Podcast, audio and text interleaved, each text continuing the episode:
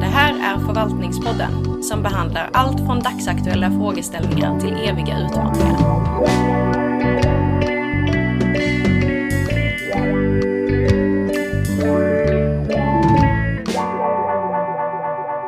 Då hälsar vi välkomna till ett nytt avsnitt av Förvaltningspodden som den här gången går lite i juridikens tecken. Vi ska prata mer specifikt om ett väldigt spännande och viktigt tror jag, forskningsprojekt som handlar om inlåsningseffekter vid LVU, som vi ska också höra mer om vad, vad det är för något. Eh, det här projektet ligger inte hos oss egentligen, utan vid Handelshögskolan vid Karlstad universitet, men en av våra forskare som är med oss idag eh, är delaktig i projektet.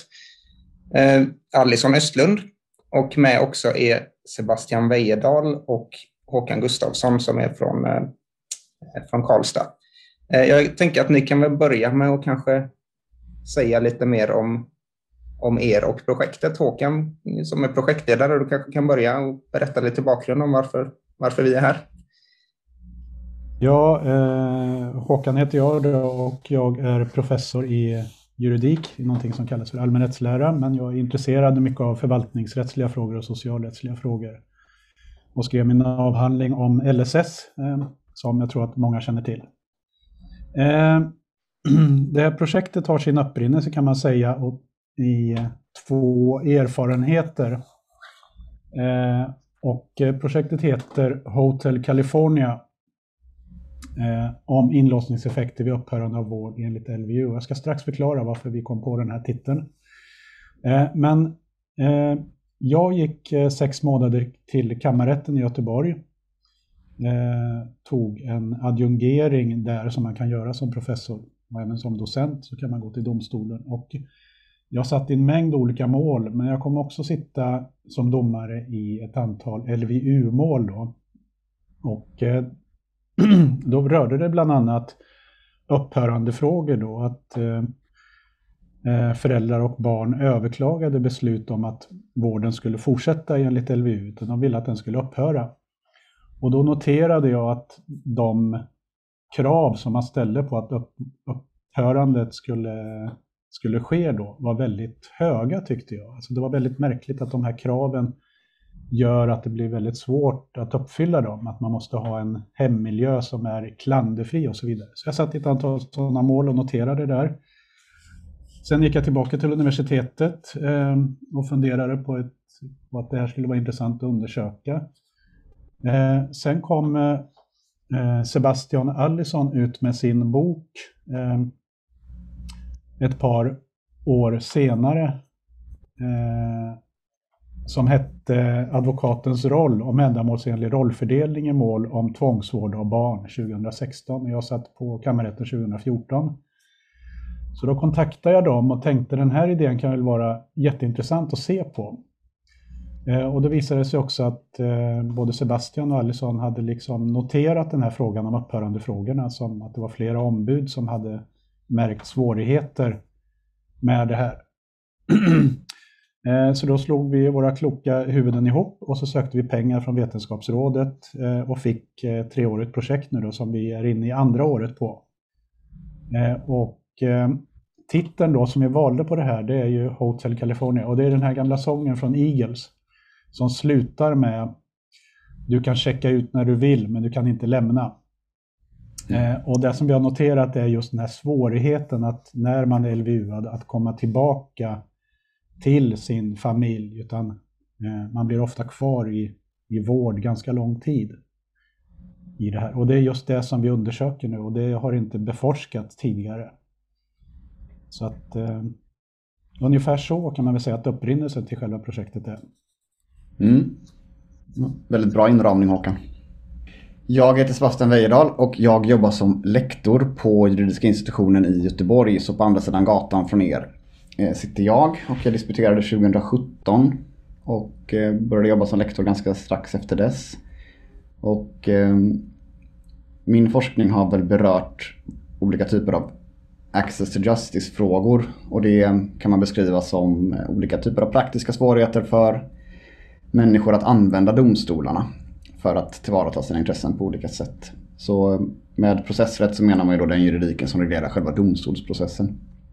Så den typen av teman har jag intresserat mig för och under tiden som jag var doktorand och skrev på min avhandling så eh, ja, jag känner Alison sedan tidigare och eh, vi gjorde då ett litet sidoprojekt som kom att handla om tvångsvård av barn.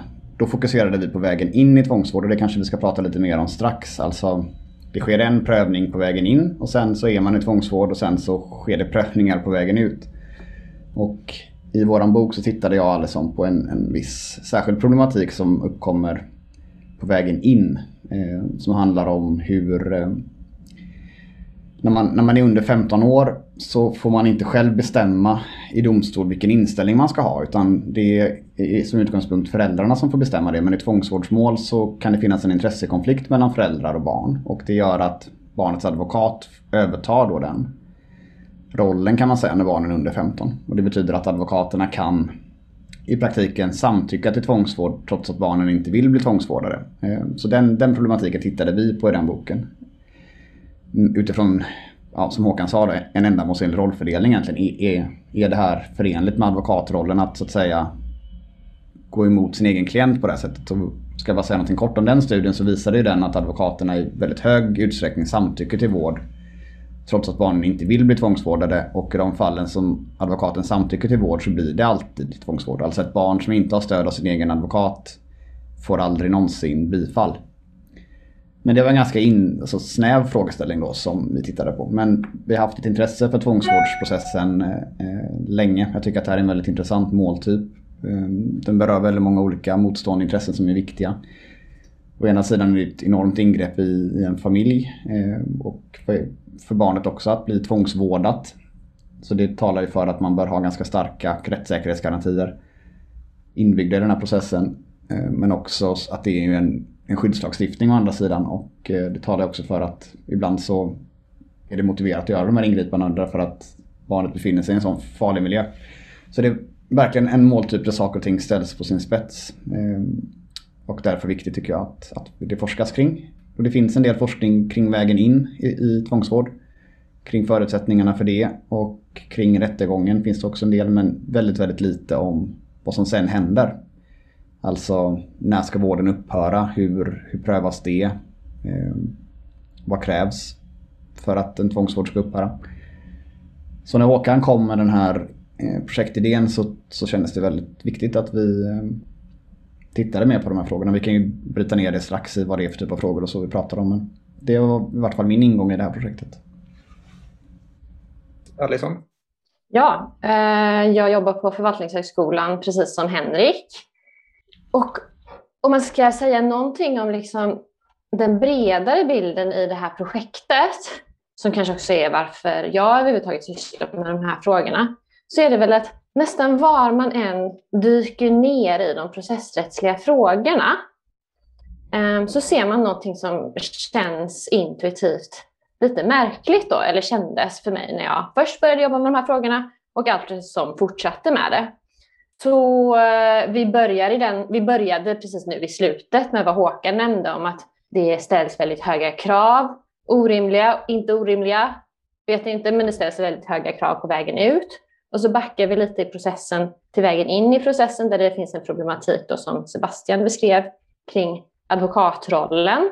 Um, och sen så kan man då backa e- ännu längre tillbaka i processen och då titta på hur socialnämnden interagerar med familjer och vilka typer av krav som ställs på familjer för att överhuvudtaget komma i fråga då för eh, vård utanför hemmet eller för den delen tvångsvård. Man kan titta på samtycket, man kan titta på um, företrädarskapet för barnet, man kan titta på föräldrarnas möjligheter till inflytande. Och eh, det skulle kanske gå för långt för att säga att det är fel hela vägen, men att någonting känns konstigt i väldigt många av de här stegen. Om vi då ska försöka sätta fingret på vad det är, eller om jag ska sätta fingret på vad jag har tyckt att det har varit, så är det att eh, omsorgsperspektivet eller vårdperspektivet genomsyrar allting. Och det här är jättebra, det är precis det som det har skrikits efter i tidningarna. Barnets bästa i centrum, eh, barnets rätt i första rummet, Eh, ett steg tillbaka för föräldrarätten och så vidare. Men från ett processrättsligt perspektiv som ju är min ingång också i det här. Ehm, så känns det märkligt när då det processuella skyddet för enskilda, så fort det får stå tillbaka då för omsorgsprincipen.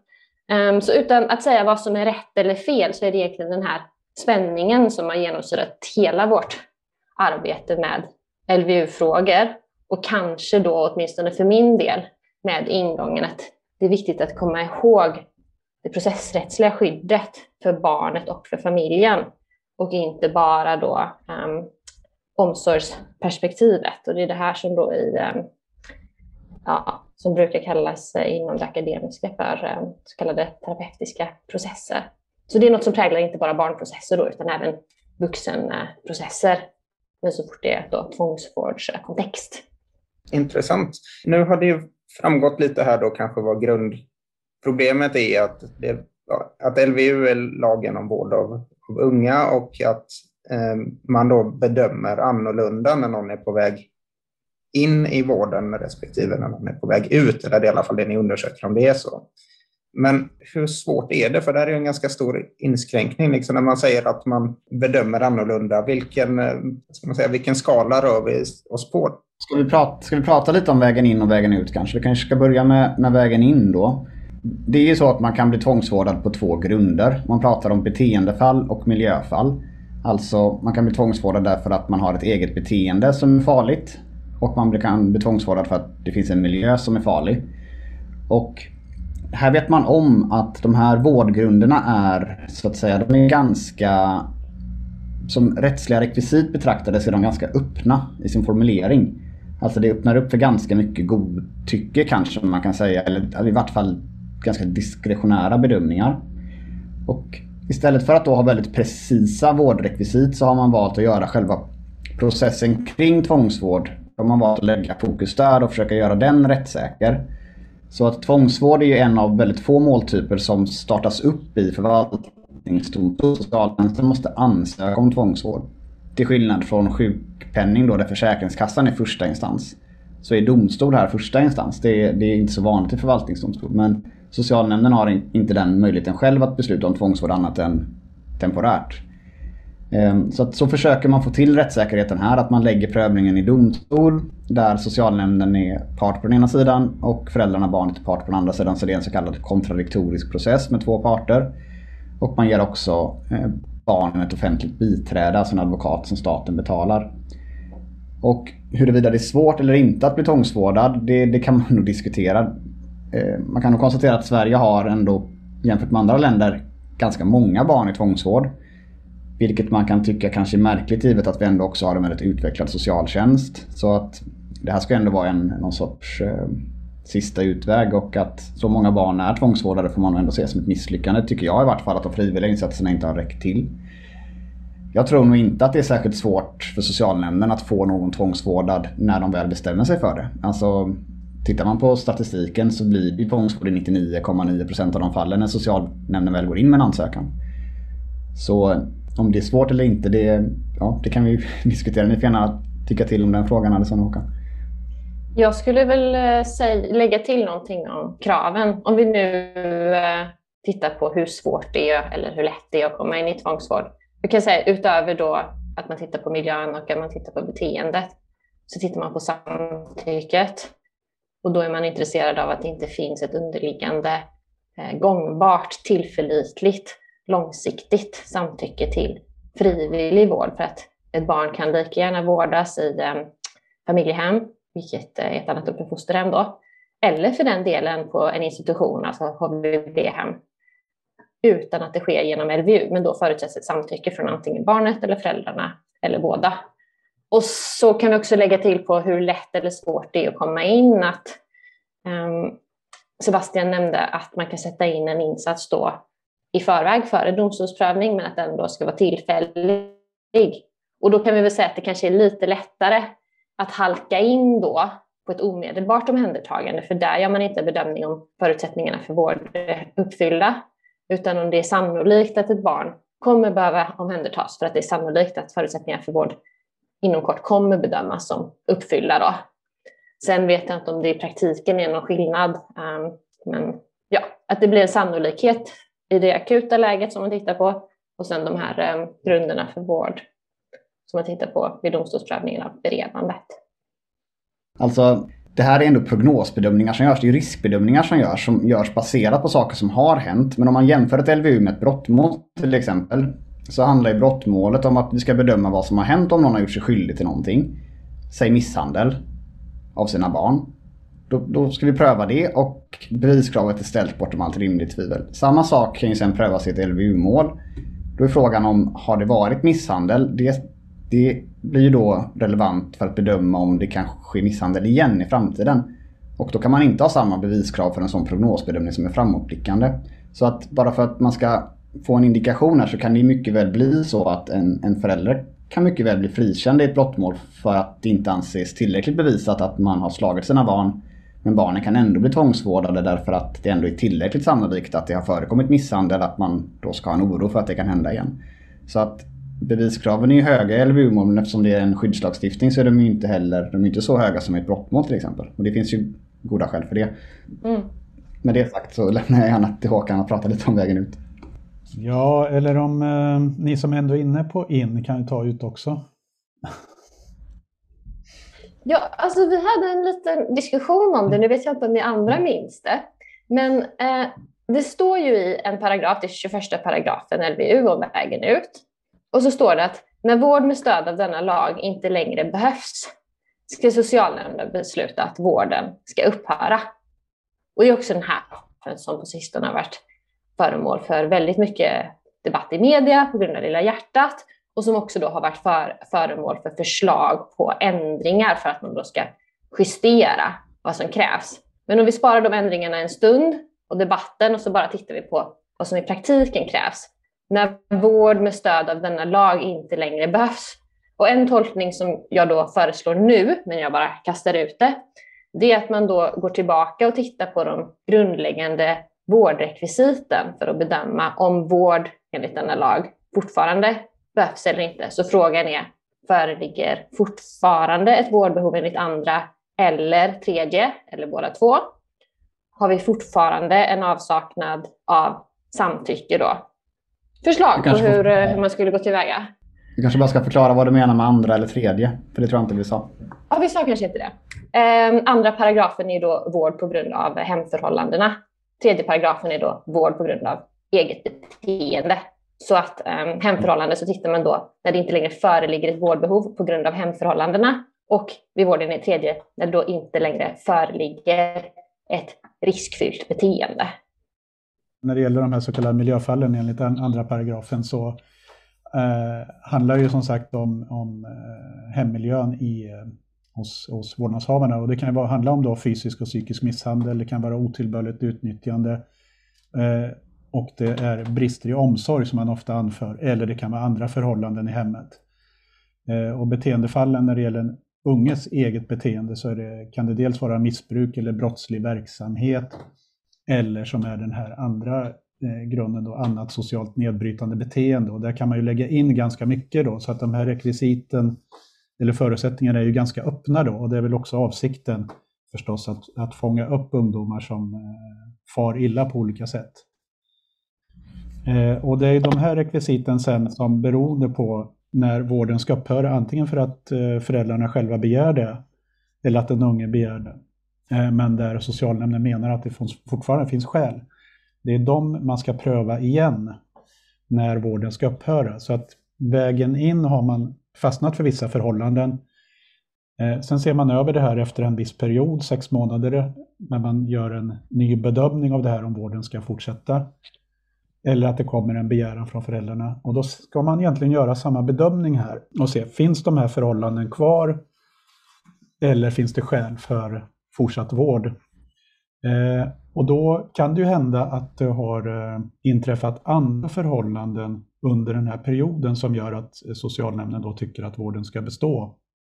Och kanske domstolen också ser det att här finns andra, men de nya omständigheter som uppträder under den här perioden har ju inte från början varit prövade eh, av domstolen eller socialnämnden. Eh, så frågan är ju bland annat hur man förhåller sig till den, till den typen av omständigheter som inträffar.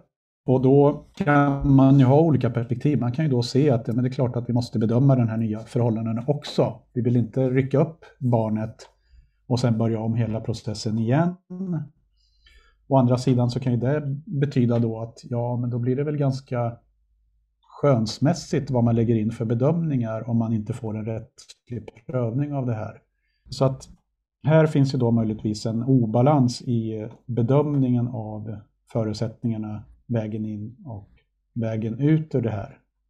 Och lyckas man då inte genom domstolsprocessen eh, få, igenom, eh, eller få gehör för sina argument eh, från familjen eller barnens sida, ja då fort, fortsätter ju vården i sådana fall, om inte då sam, frivilligt samtycke föreligger i någon form.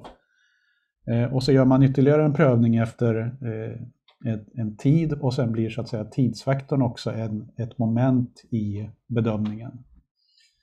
Eh, men ungefär så kanske man kan säga det mer generellt då.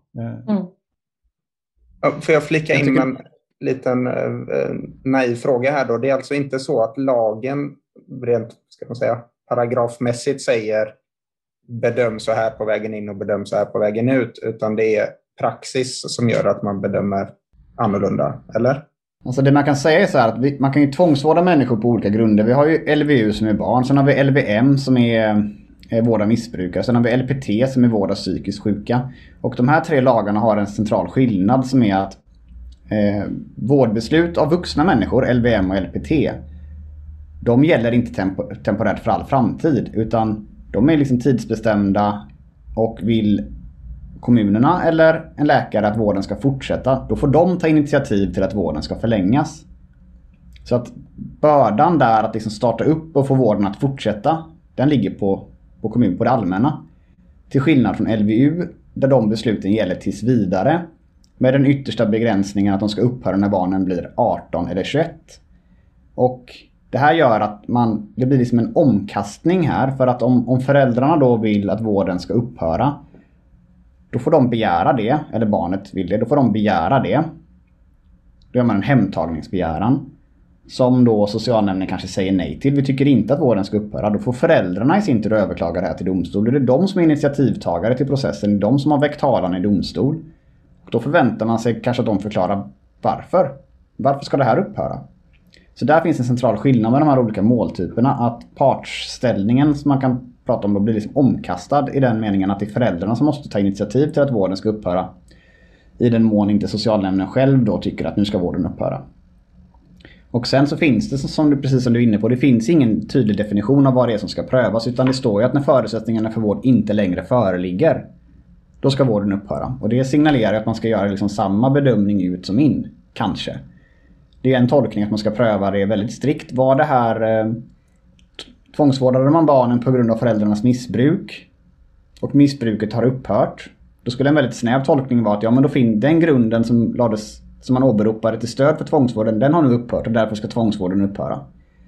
Men en mer vid tolkning skulle kunna vara att jo, visserligen har föräldrarnas missbruk nu upphört men det har uppdagats andra problem här under tiden så därför finns det fortfarande skäl för tvångsvård. Och att prövningen då blir bredare. Än, alltså att man prövar andra omständigheter än de som egentligen ursprungligen motiverade tvångsvården. Och där finns det nog ingen tydlig... Det är inte så att det råder konsensus utan vi har gjort, om vi ska gå in lite på våra resultat, så har vi gjort lite intervjustudier och det finns lite olika uppfattningar här bland praktikerna. Mm. De som är advokater för barnen vill ju ha en ganska snäv prövning för att det blir ju rättssäkrare om man vet vad den här prövningen ska handla om. Alltså, då kan man argumentera utifrån att de här omsorgsbristerna som låg till grund för tvångsvården, de är nu borta. Föräldrarna är inte längre, har inte längre missbruksproblematik. Eh, det kan man kanske ta fram bevisning för och så kan man argumentera för att vården ska upphöra. Medan socialtjänsten vill ju inte att barn ska komma hem till miljöer som är farliga. Och då kan de säga, jo visserligen, ja det är kanske så att det inte längre finns något missbruk. Men det finns ju den här bristen och den här bristen och den här bristen och den är inte åtgärdad. Då vill, och då använder de det som ett argument för att barnet ska vara kvar i tvångsvård. Och så kanske man kan sätta domarna någonstans i mitten. Jag tycker mitt preliminära intryck är att de ligger lite närmare socialnämnden i hur de resonerar. Alltså att det inte är en sån strikt, strikt, det måste inte vara exakt samma omständighet. Men det får ändå vara någon sorts gräns för vad som kan läggas in i, i ut, utfasen av processen. Jag vet inte om ni delar med den. Vi håller på att bearbeta vår empiri nu men det är liksom min preliminära uppfattning efter att ha lyssnat och suttit med på de här intervjuerna. Jag bara hålla med. Ja. Den yttersta gränsen verkar vara att man inte kan byta vårdgrund. Alltså om någon varit tvångsvårdad på grund av miljö så kan man inte sen på vägen ut påstå beteende. Det verkar vara någon sorts yttersta gräns. Man kan liksom inte byta grund där. Utan då får man ta den grunden och så liksom börja om och stoppa in barnet fast på rätt grund i, i processen. Men i övrigt så är det ganska svårt att staka ut var, vad gränserna går för vad som kan föras in i, i den här upphörande stadiet. Eh, det här projektet, ni har avverkat två av tre år sa ni va? Ja, vi... Ja, får lite svindel när man tänker på det på det sättet. ja, vi har inte avverkat två år. Vi är inne på det andra året. Så att vi eh, har väl hållit på i ett år och vad blir det, fyra månader va? Men går det att säga någonting mer om, det är väl analysdelen som är som kanske är mest intressant i sådana här sammanhang då, men går det att säga någonting lite mer preliminärt om vad, vad ni kommit fram till mer än vad som har sagt hittills? Det som vi har nämnt nu är ju eh, liksom hur lagstiftningen och möjligtvis den rättsliga praxisen ser ut va? Eh, i de här två paragraferna och det vi kanske landar mest i vår eh, intresse är väl andra paragrafer kan man säga, hemförhållanden i varje fall, va? som vi tittar mest på. Men vi, ändå rör vi oss lite generellt hur man gör de här bedömningarna. Eh, och det som eh, vi menar nog att det här handlar inte bara om hur lagstiftningen är utformad och hur det uttrycks i förarbeten och den rättsliga praxis som finns, eller domstolspraxis. Utan vi menar att eh, vi går efter en slags hypotes och försöker undersöka det både ur vad ska vi säga, en, eh, som vi kallar en rättslig kontext, alltså den processrättsliga eh, ramen som, som sätts i de här fallen som Sebastian här beskrev. Liksom, var hamnar bevisbördan egentligen för upphörande frågorna och så vidare. Då. Eh, men också vilken roll domstolen eh, spelar utifrån sin bedömning också. Eh, och mycket av de här fallen handlar inom, inom juridiken om att man gör en olika typer av riskbedömningar och att man har en bevis, ett beviskrav på, på sätt och vis. Va? Så att det är en del av undersökningen eh, när vi försöker se påverkan på den här frågan. Den andra är att se vad vi kallar för en institutionell kontext. Eh, alltså hur domstolen i sig som en institution eller myndighet interagerar eh, med eller mot eh, då den sociala myndigheterna. Eh, och där har man ju kanske en annan syn eh, som inte rör så mycket om eh, rättslig bevisning utan mer om att här är, finns det ett skyddsbehov för den unge. Och den bedömning som, som socialtjänsten gör. Eh, det, finns ett, det finns som Alison sa, det finns ett vårdbehov där som ligger i fokus. Va? Eh, och när det ställs gentemot den juridiska logiken så kan det ju då eh, finnas motsättningar och så vidare. Eh, och där handlar det om hur, hur socialsekreterarna ser på den rättsliga processen, men också från andra sidan hur domstolarna ser på eh, socialtjänstens bedömningar och hur de så att säga interagerar. Och där blir också, den, vad vi för det tredje tittar på är också den här normativa kontexten som vi säger. Vad, är det, finns, vad finns det för värderingar på vad som är ett lämp, en lämplig hemmiljö? Vad är ett normalt eh, Eh, normala levnadsomständigheter i hemmet och liknande. Då. Så det är flera faktorer som vi försöker ringa in i vad vi då kallar att eh, de här besluten präglas av stigbundenhet. Så att säga. Lägger socialstyr, eller, förlåt, socialtjänsten en viss värdering eh, så plockas den upp av domstolen som förstärker den här ursprungliga värderingen och sen blir det kanske ett domstolsbeslut som blir en del av praxis och så eh, plockar socialtjänsten upp de värderingarna som finns där. Och så, så får vi ett system där eh, man går in på en, en viss eh, stigbundenhet när det gäller värderingar, både när det gäller den enskilde just i det enskilda fallet, men att det kanske också utvecklas en form av idé om, om eh, vad som är en lämplig miljö och det där är svårt att komma åt. Eh, och det sättet vi försöker komma åt det är ju att göra intervjuer med, med domare i, på förvaltningsrätten, eh, ombud som har eh, jobbat med de här typerna av problem, men också med då socialsekreterare för att få den här synen på vad är det som gör att det är så svårt att komma ut. Eh, så att det är samverkande faktorer här som är ganska intressanta att försöka utröna då. Så vi laborerar ut efter en, tid, en, en teori som kallas för path dependency eller stigbundenhet. Eh, och vilket då leder till, eller kan leda till, eller att det finns en risk för att vi får de här inlåsningseffekterna som vi kallar dem. Alltså dels i, i en fysisk mening eh, att eh, den unge blir skild från sina biologiska föräldrar under en ganska lång tid.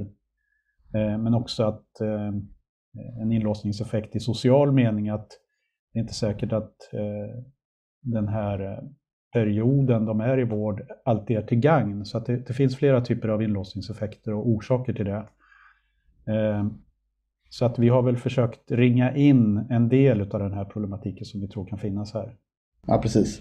Så att vi har, vi har de här tre kontexterna och där försöker vi inom ramen för varje kontext då hitta olika mekanismer kan man väl kanske säga som på olika sätt kan bidra till att det blir svårt att komma ur tvångsvård. Och ska vi säga någonting om vad vi, liksom de, de teserna vi har eller de eh, resultat, preliminära resultat eller fynd vi har bara genom att ha lyssnat och varit, haft ett antal intervjuer. Så kan man väl säga att en sak har vi varit inne på. Att ramen för prövningen ut är ganska diffus. Det verkar som att det är möjligt att föra in nya saker där. Eh, som inte har prövats inom ramen för den första beredande processen då på vägen in. Så det är väl ett liksom, preliminärt fynd att det, det är inte alldeles tydligt vad som kan föras in. Eh, ett annat fynd är väl att man brukar prata om beviskrav då, bevisbörda i processrätt. Vem, vem har liksom vem står risken för att vissa omständigheter inte är bevisade? Och på vägen in i tvångsvård så är det ganska tydligt att det är socialnämnden som ska bevisa att det finns ett vårdbehov. Men när man är på vägen ut så verkar det inte alls vara särskilt tydligt vem som ska bevisa vad. Och här kan man ju tänka sig att socialnämnden antingen ska bevisa att det fortfarande finns ett vårdbehov eller så ska föräldrarna bevisa att vårdbehovet har upphört. Och det verkar nog vara så som att det är föräldrarna som ska bevisa att vårdbehovet har upphört. Vilket då lägger bevisbördan på dem. Eh, trots att det är en betungande måltyp. Det är nog ett preliminärt resultat. Och det kan vara olika svårt att fullgöra en bevisbörda. För att beviskravet kan vara kanske att man ska göra det sannolikt att, vård, att det inte längre finns vård eller att man ska göra det ställt bortom allt rimligt tvivel. Och hela den skalan kan man laborera med. Och här befinner vi oss väl än så länge i studien att det går inte att säga vilket beviskrav som gäller. Det finns ingen, det finns ingen konsensus kring det utan domarna har säkert en magkänsla om hur mycket bevisning som behövs för att släppa hem ett barn. Men de kan inte artikulera det i beviskrav. De håller inte med varandra riktigt. Ehm, det kan vara differentierade beviskrav så tillvida att om det rör sig om små barn så kanske man vill vara säkrare. Rör det sig om allvarliga brister kanske man vill vara säkrare. Än om det är stora barn. Och det där är jätteviktigt att veta. Alltså hur mycket utredning behöver vi prestera för att få hem våra barn? Och den frågan verkar inte heller vara tydligt, ha något tydligt svar. Utan det kanske är så domarna gör på precis samma sätt.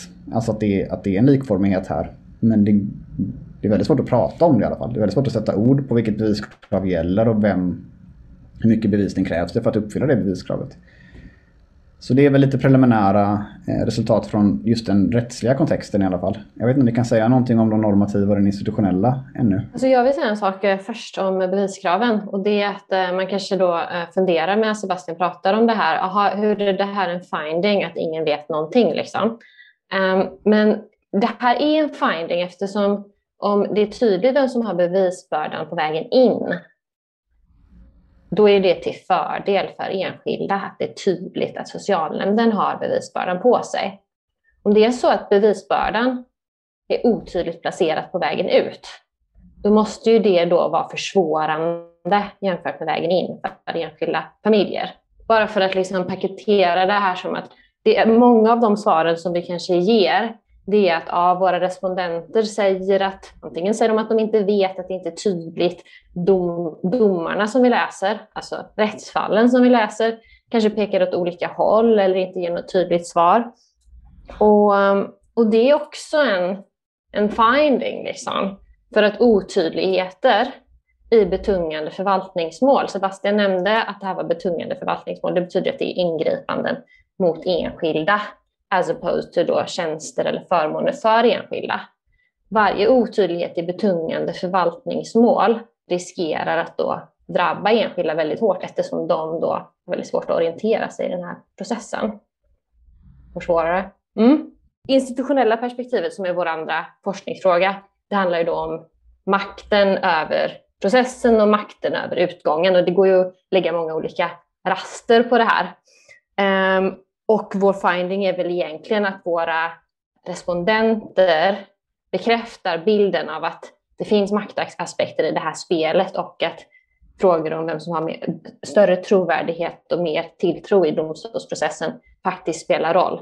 Det är ju liksom vart det barkar utifrån våra intervjuer. Jag kan tillägga att vi har gjort 14 av planerade 15 intervjuer, men vi har inte kodat dem. Liksom. Um, så där tycker jag ändå att vi har en riktning. Däremot det som kvarstår att göra i projektet på det här, det är att ta reda på vem som i slutändan faktiskt vinner. Och då har vi en preliminär indikation på um, alla överklaganden i den här måltypen på att utsikterna för enskilda, det vill säga familjer och föräldrar, är väldigt, väldigt dystra. Men vi har inte något resultat ännu just när det gäller upphöranden i LVU-mål, utan vi har bara resultat när det gäller överklaganden i LVU-mål som då inkluderar mycket annat. Så vi tror att det ser mörkt ut, men vi vet inte riktigt hur mörkt. Ja, eh, och den här normativa kontexten som vi kallar då, eller norm, kontexten om normalitet, eh, det är ju jag vet inte om vi ska säga att vi har gjort någon findings här, men jag tycker ändå att vi får bekräftat av eh, respondenterna i viss utsträckning i varje fall. Och det kanske inte heller är någon nyhet sådär, men det är klart att när man gör en bedömning av Eh, ett, en, en, eh, hur hemmet ser ut eh, hos föräldrarna, alltså givet att det förelåg vissa omständigheter som, som aktualiserade tvångsvården och barnet ska tillbaka. Så, så en sån här bedömning av föräldrahemmet blir ju också någonstans en idé om, kanske försiktiga ordalag, om normalitet Eh, och den här normaliteten är ju någonting som är, eh, som eh, är normativ helt enkelt. Att man har vissa uppfattningar då om att så här måste man, så här bör ni bete er hemma vid så att säga. Har ni haft alkoholproblem tidigare så får ni absolut inte dricka. Det kanske är bra att ni har en bra dygnsrytm och att barnet inte ska sitta vid datorn. Så att det finns en mängd sådana här eh, eh, underliggande värderingar som å ena sidan kan man tycka då att, eh, och som en del säger att ja, men det är väl rimligt att man sätter ganska hårda krav på en problematisk familj. Det är ju, det är ju familjer som har en problembild som är ganska komplex. Eh, eh, Medan andra tycker att nej men just de här familjerna kanske man inte ska ha så höga krav. Utan eh, räcker det, det kanske räcker en viss nivå här då. Eh, så att det, det, finns, och det är flera som har uttryckt det här, att man har en, man har en syn på vad som är en, en rimlig och vettig eh, upp, uppväxtmiljö. Då. Och det kanske blir ännu tydligare när det gäller de här beteendefallen, då, att den enskilda ungdomen måste verkligen anpassa sig till eh, socialtjänstens eh, syn, eller till domstolarnas syn också, vad de ligger för värdering i det här. Så att, eh, så att det är klart att det finns en, en allmän syn på på vad som är en stabil och bestående förbättring i en hemmiljö. Eh, och eh, när vi har tittat lite på eh, det som social, eh, socionomer har skrivit i den här frågan också, eh, kanske mer generellt, inte bara om eh, frågan ut utan också om, om LVU, så menar man ju att, att också familjehemmen skapar en, en slags normer och uppfattningar om hur en familj bör leva. Då. Så att man talar om att det finns en konstruktion av normalitet eh, som uppstår här. Eh, men vad ska vi säga om findings? Kan vi säga att, att eh, till viss utsträckning så kanske man har eh, bekräftat det här då, att det här också blir eh, svårt att bryta igenom då. Eh, och en annan aspekt som kommer i det här, det, det, är ju naturligt, det påverkar ju också den här, de föregående kontexterna som vi är inne på. Att de här familjerna är ju i en ganska utsatt situation. De är ju, de har ju, de är resurssvaga eh, och svagare än eh, socialtjänsten som myndighet naturligtvis. Eh, och socialtjänsten har ju en vana att föra process, vilken den enskilde inte har. Ungefär så skulle jag väl kanske säga om den tredje kontexten. Mm. Sen kan man väl då säga, okej, okay, när vi nu får reda på det här, hur, vad, hur kan man förbättra då? Är det förbättringar i lagstiftningen som måste till? Måste det till, till tydligare direktiv eller måste man ha tydligare policies om vad man får bedöma och inte bedöma etc. Då? Men det är ju kanske nästa steg, det sista steget i sådana fall. Mm. Jag, jag tänker lite vad är, vad är problemet? Det var kanske fel sätt att uttrycka det på, men vad får det för konsekvenser? Det här um, kan man generalisera det till att gälla även andra former av inskränkande i självbestämmande eller vad man nu ska kalla det. Finns det, finns det liksom andra, eh, andra juridiska områden där det här kan ha bäring också? Jag tänker att eh, en problematik som kommer här, det är ju själva processen här för Eh, och då menar jag både på den rättsliga processen men också den här längre processen då för eh, familjerna och de unga. Att om man inte vet riktigt eh, vilka kriterier det är som gäller under processens gång eller under vårdens gång så blir det ju en rättssäkerhetsfråga. Alltså. Vad har man då för, vad har man för, rätt, vad har man för möjligheter att få vården att upphöra om man då inte känner till de här kriterierna ordentligt? Eh, så att eh, eh i den meningen så måste man nog fundera på hur man kan eh, stärka eh, de som är utsatt för, för LVU på olika sätt. Så att man får en, eh, ja, som du sa eh, Sebastian, access to justice, alltså att man får tillgång till eh, en rättvis bedömning eller tillgång till själva processen. Eh, så i den meningen så kan ju det här också påvisa eh, allmänna rättssäkerhetsproblem som kanske finns i flera andra rättsliga områden också. Men jag vill säga någonting om det. Om jag får? Absolut. absolut. Um, alltså apropå eh, bredare risker då. Den stora, när vi bara håller oss i LVU-kontexten så laborerar vi ju med riskerna för mycket tvångsvård eller för lite tvångsvård ur ett samhällsperspektiv.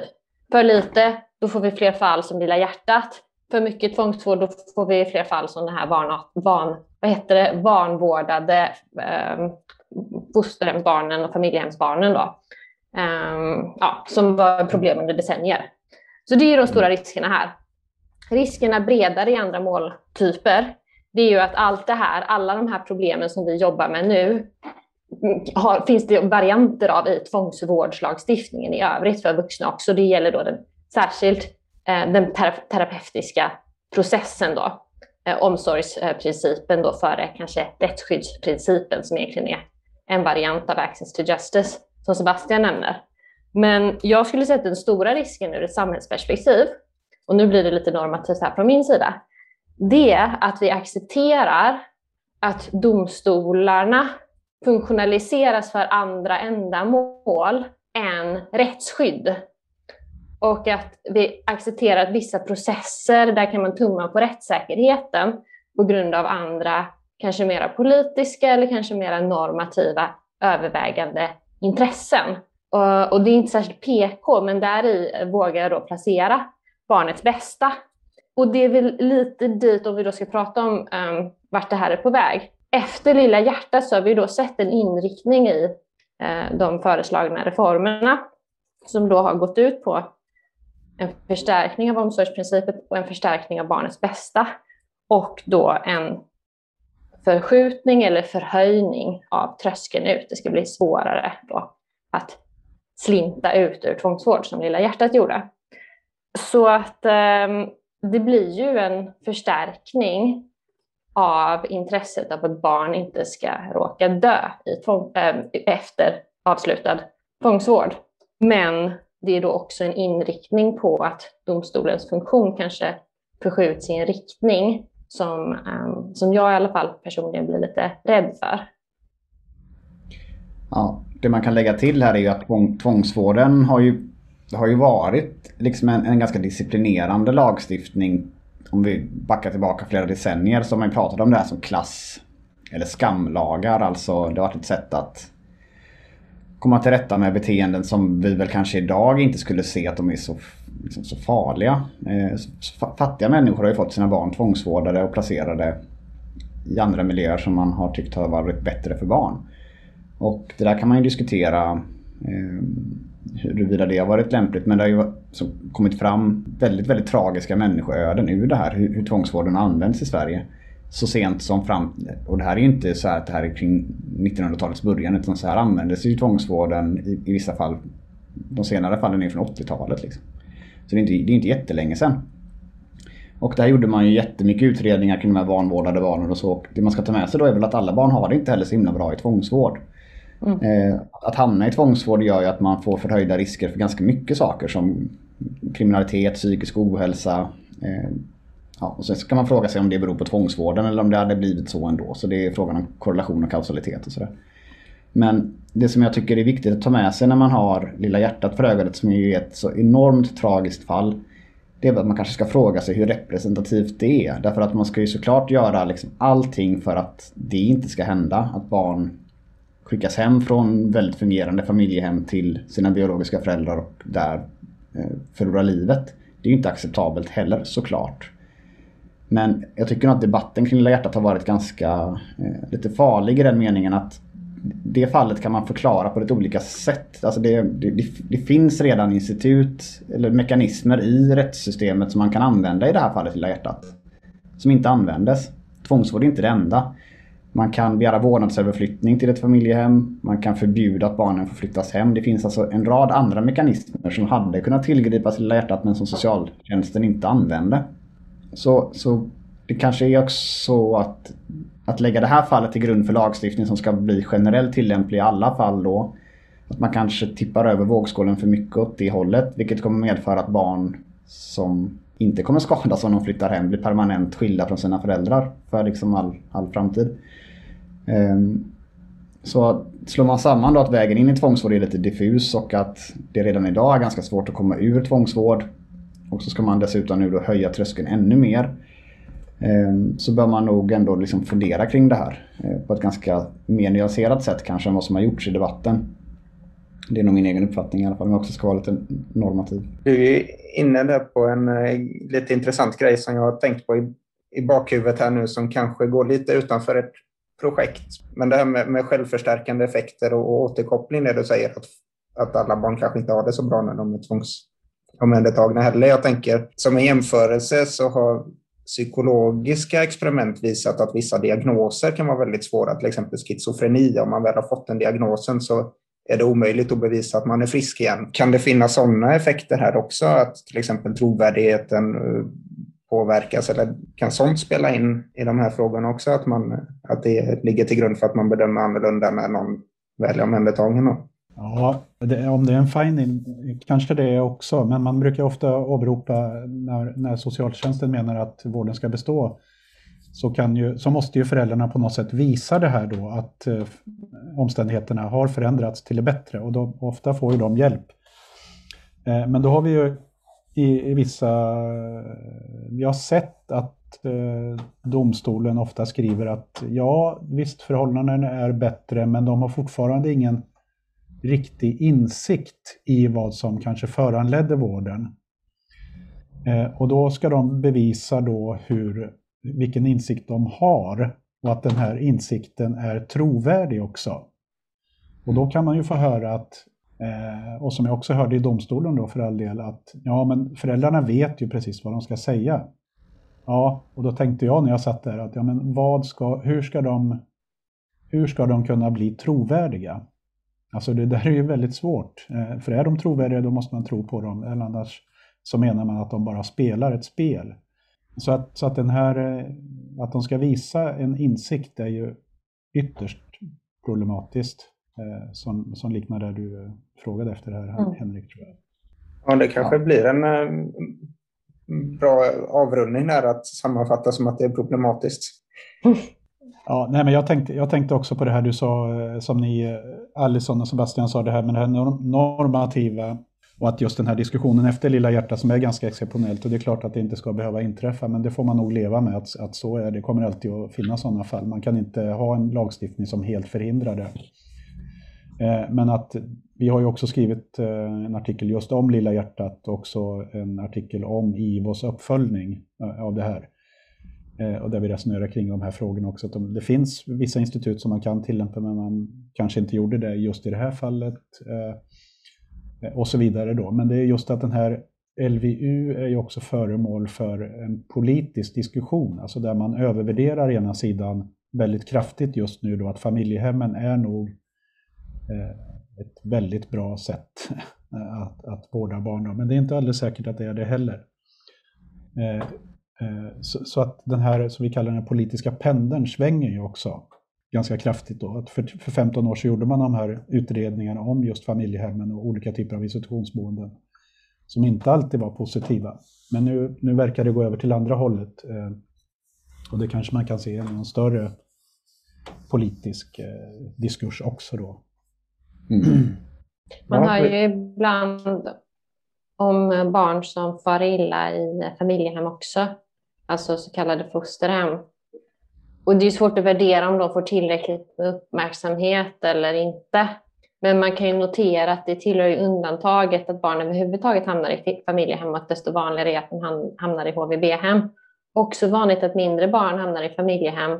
Så småningom slutar de, om de då inte får komma hem, om de fastnar i systemet, att de så småningom hamnar i HVB-hem. Och om man då skulle ställa den empiriska frågan, som inte vi har ställt, men om man skulle ställa den empiriska frågan, hur många barn dör i um, institutionsplaceringar?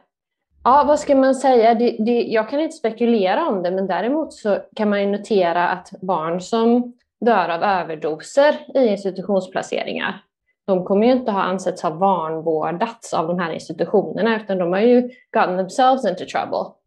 Frågan är sjuåringen som um, familjehemsplaceras, som så småningom överdoserar i 15-årsåldern på ett HVB-hem. Hur stor är risken att det här barnet överhuvudtaget hade befattat sig med narkotika om han eller hon då inte kom från en eh, narkotikapräglad miljö där hemma eller i familjehemmet. Um, så vi har varit inne lite på det uh, i, uh, i de artiklarna vi har skrivit om vilka risker um, placeringar överlag och framförallt institutionsplaceringar för med sig när det gäller hälsa och sådana saker på lång sikt.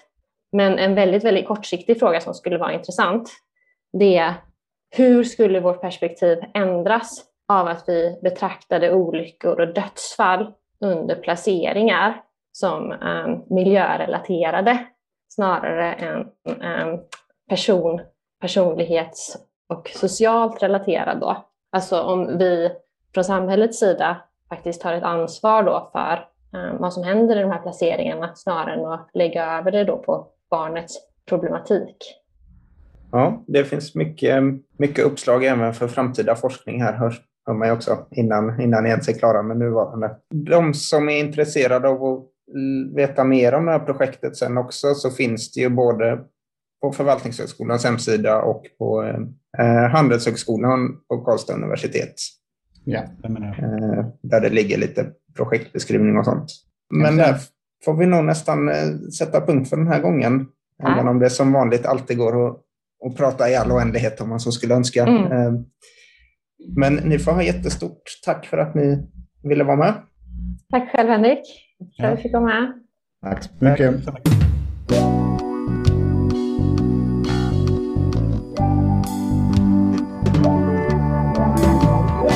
Du har lyssnat på Förvaltningspodden en podcast om offentlig förvaltning från Förvaltningshögskolan vid Göteborgs universitet.